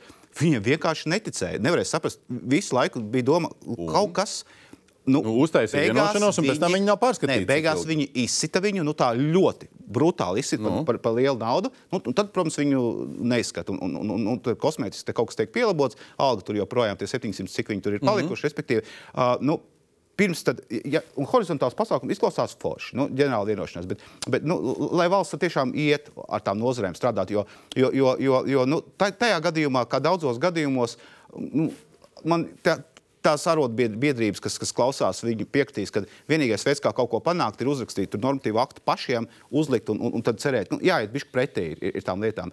Izklausās forši, ģenerāla vienošanās, jā, nu, tā. Ir vēl kaut kādas mazas lietas, piemēram, nu, tur runā par, par datu apmaiņu. Ja? Nu, es pilnīgi piekrītu, valsts ieņēmuma dienestā ir fantastiska analītika, lai, lai, lai citur tāda būtu.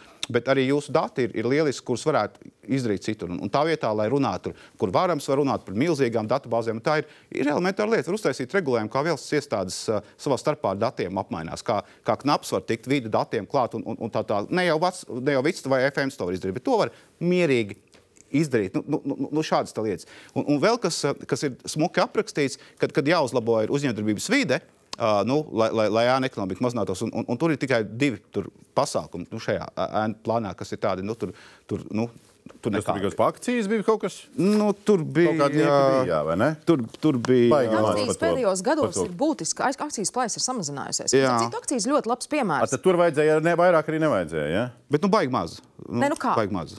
Naftai uh, akcijas plājas ir 5 maksimums 6%. Alkoholam pirms četriem gadiem bija 11%, šobrīd ir 4,5%. Ko tur, ko tur sauks kungs, kungs vajadzēja vairāk? Tas ir, kur uzņēmējiem jāprasa. Nu, vai tas uzņēmējdarbības vidi uzlabos dikti? Bet, ap citu, akcīzē ļoti labs piemērs par uzņēmējdarbības vidas uzlabošanu. Mēs samazinājām prasības mazajiem alkohola ražotājiem, kas mums bija liela daļa ēnas, kas ražoja stipru alkoholu vienkārši mazajās saimniecībās. Mēs samazinājām šo administratīvo slogu. Gada vai divu gadu laikā šis skaits dubultojās no kādiem 30, un tagad viņi ir pār simts. Es, es, nepa, es nepre... nu, par akcijas tīpaši jau nu, tabaks izstrādājumu jomā un pa melno tirgu, nu, tur mums gan nu, nevajadzētu tik rožaini to pasauli zīmēt. Jā. Protams, ne, bet arī 2010. gadā uh, ēnas uh, cigaretēm bija 44%. Šobrīd tas ir 14, 15, 16% pēdējo gadu laikā un iet uh, mazinās.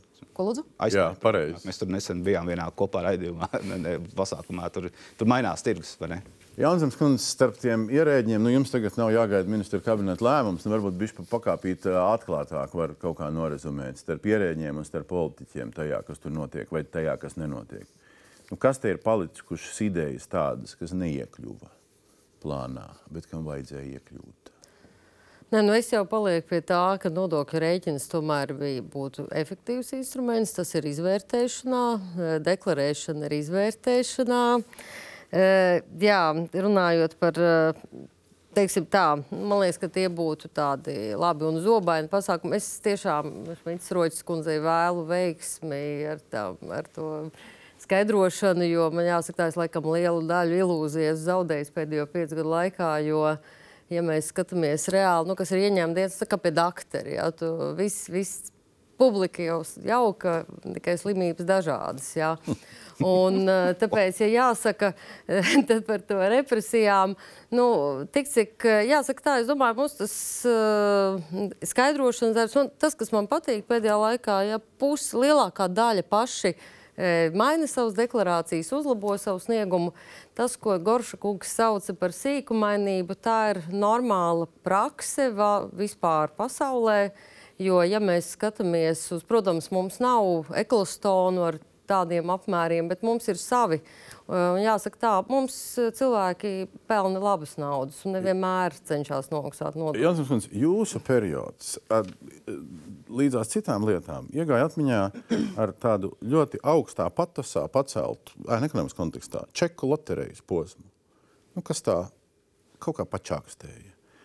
Nu, tika kaut kā nu, tās gaidas, ka nu, čeku loterija kaut ko risinās, nu, tomēr tika pārdotas daudz vairāk nekā kaut kas ir baigi risinājies. Kur ir garantija, ka šai plānā ir, nav kaut kāda tāda drusku vanskara veidīga pasākumi? Es nedomāju, ka čeku loterija, nu, piemēram, es viņu mantoju, viņa jau bija iesākta. Nu, tā ir viena jā. no metodēm, kuru izmanto īstermiņā administrācijas, lai saprastu, kas notiek tirgu. Tā ir lētākais veids, lai neietu pa, pa tirdzniecības vietām. Tā tas viss kārtībā. Es tikai tādu skeptisku. Nē, es nerunāju par kārtību. Viņš man liekas, jā. Es, viņš atpelnīja. Viņš... Nē, viņš sevi atpelnīja. Viņš atpelnīja sevi. Bet es, par man, es, kad uzzināju, man viņi pārsteidz. Es jā, bet viņš domās, sevi atpelnīja. Jo augstskolas tas... var strādāt gadu ar tādu. No, labi, tur paškritikas nav. Labi. Uh, uzņēmēja organizācijas, ko šobrīd iemet, uh, iemet par uh, nu, atvērto jautājumu par plāna papildināšanu vai mainīšanu jau uh, nākamā dienā pēc viņa pieņemšanas? Jau mainām, nē, ar ko plāns būtu jāpapildina, tas ir ar nodokļu, nodokļu izmaiņām, ar darba spēku nodokļu samazinājumu. Ja tas tiks izdarīts, tad arī šim plānam es domāju, ka viņš var cerēt uz to, ka šie mērķi tiks sasniegti. Šie mērķi skaidrs, ka tiks sasniegti. Ja, ja, uh, ja šo izmaiņu darba spēku nodokļos nebūs, tad es baidos, ka šis plāns varētu būt atkal uh, Facebookā meklēsim, kas pārdod sunīšus un, un sēņu nogu tirgotājus pie, pie ceļmalās. Un, un, un, un mēs nevaram atļauties darīt to pašu un skatīties uz identisku rezultātu vairāk. Tas tomēr būtu, būtu jāuzlabo piekrīt par mazo, mazās uzņēmējdarbības nodokli. Tas ir viens no rīkiem, ko, ko arī mēs esam skatījušies, jau veidojot uh, sistēmu. Ir svarīgi, lai tie, kas nodarbojas ar uzņēmējdarbību, viņiem nodokļu samaksāšana būtu vienkārša, viegli administrējama un skaidri saprotama. Nu, es īsti nepievienošos paustajam viedoklim attiecībā uz to, ka šis plāns būtu salīdzināms ar iepriekšējo ogotāju, sēņotāju un dažādu citu nu, tādu traģikomisku varbūt. Uh, tādu elementu uh, kontekstā, uh, tiešām vēlreiz uzsverot, ka šis plāns patiešām uh, būtiski fokusējas uz lietām, uz kurām, par kurām nav runāts iepriekš. Pats galvenais, lai tās patiešām tiek īstenotas. Ja tīpaši attiecībā uz, uz algu izmaksu, uz skaidras naudas uh, šo te cirkulācijas caurredzamību, to, ka sabiedrībai, katram sabiedrības loceklim ir jābūt redzamam, ja, lai mums katram ir šī sajūta, ka valsts ieņēmuma dienests redz, ko mēs darām ar skaidro naudu. Uh, un uh, pievienojoties uh, Jaunzemes kundzei, tiešām attiecībā uz nodokļu rēķinu ārvalstu investoru padome arī ir iestājusies tieši par šo instrumentu. Protams, uzsverot atkal to, ka vēlns slēpjas detaļās, kā tas tiek īstenots. Ja, tā lai tiešām šie kritēriji, principi, ja, kas, kas, kas, kas būtu uh, vērtējami, lai tie patiešām būtu uh, taisnīgi, atbil, atbilstoši, uh, līdzīgi kā ja mēs runājam par šo reitingu sistēmu, ja, tad arī es gribētu piebilst, ka arī šo mehānismu mēs atbalstām. Ja tiešām šie kriteriji un principi ir taisnīgi un atbilstoši. Un šobrīd, eh, eh, īsnībā pat šorīt, ja, mums bija tieši, tieši darba grupas eh, sēde, kur mēs diezgan detalizēti diskutējām par šo reitingu sistēmu mēs arī ļoti konkrēti nāksim klajā ar priekšlikumiem, kur mēs jau redzam ja, dažādas potenciālus e, izmaiņas, kuras būtu nepieciešamas tā, lai nebūtu tiešām tā, ka viena kaut kāda neliela, sīka kritērija kontekstā pēkšņi uzņēmums nokrīt no A uz B un varbūt vēl zemāk ja, kategoriju. It īpaši, ja mēs šo reitingu sistēmu izmantojam, piemēram, publiskajos iepirkumos un tam līdzīgi. Ja. Galvenais, lai patiešām šis esošais plāns, šie mēri tiek īstenoti. Ja, lai mums nebūtu tā, ka tā kā iepriekšējā plānā izpildīts, izpildīts, bet izpildīts nozīmē, ka mēs padiskutējām un likām priekšā kaut kādus uh, normatīvu aktu grozījumus. Tas nav izpildīts, nekas nav noticis. No šitā sākam noslēgumu. Tas nav izpildīts. Patiesībā tas, ko jūs iesniedzāt vakar uz valdību par iepriekšējo plānu, tas nemaz nav izpildīts, uzrakstot, ka bija izpildīts. Uh, ir izpildīti tie nosacījumi, kas šajā plānā tika ielikti. Es nevaru piekrist, ka viņš nav izpildīts tajās, uh, tajos pasākumos, kur ir rakstīts, ka tas ir izpildīts pasākums.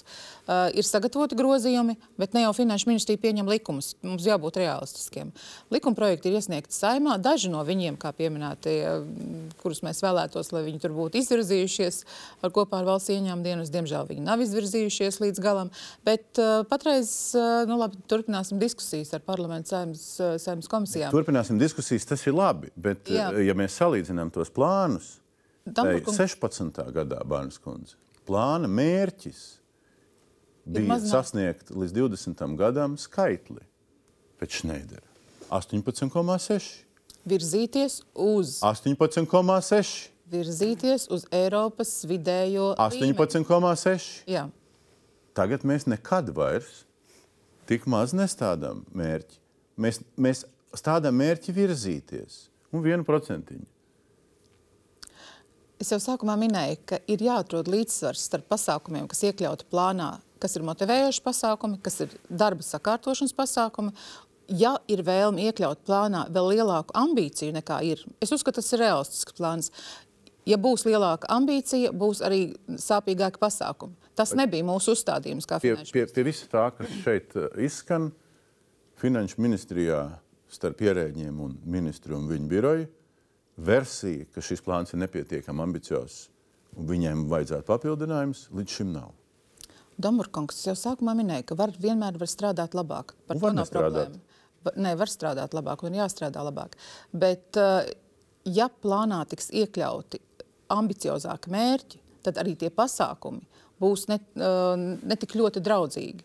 Mēs tomēr cenšamies mainīt to pieeju šī plāna, ēnu plāna ieviešanā, ka mēs pirmkārt ejam motivējušiem pasākumiem, ar skaidrojošiem pasākumiem. Tā ir tā nodokļu nomaksas morāle, vai sauciet, kā, kā gribiet viņu.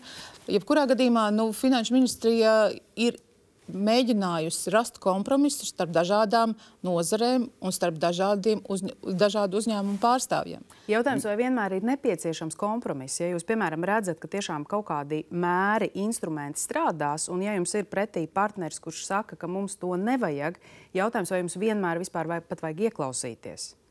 Es domāju, ka ir jāieklausās un arī jādzird, jo par to pašu vispārējo deklarēšanos nu, nebija mums pilnīgi vienošanās. Būsim godīgi, Gorkškungs. Noslēgsim uz tādu pus, pusvārdu šajā mirklī. Uh, es uh, gribu noslēgt ar vienu repliku, kas man fiziski vienkārši šajā uh, šīs sarunas laikā ienāca prātā. Sēns, te, sēns teiciens, tas izskanēja ļoti sen, kas notiek Latvijā pirmsākumos, bet man liekas, ka viņš arī šīs sarunas kontekstā ir, ir, ir uzmanības vērts. Jebkura vara, es skatos uz šo pusi vairāk, jebkura vara izdarīs tik daudz, cik viņu piespiedīs izdarīt. Nu, vēlētājs vai viņa vēlētājs, organizētājs. Un vairāk neizdarīs. Paldies dāmām un kungiem, kas piedalījās šajā sarunā. Paldies nodokļu maksātājiem un nemaksātājiem, kas skatījās. Turpinājums sekos. Paldies!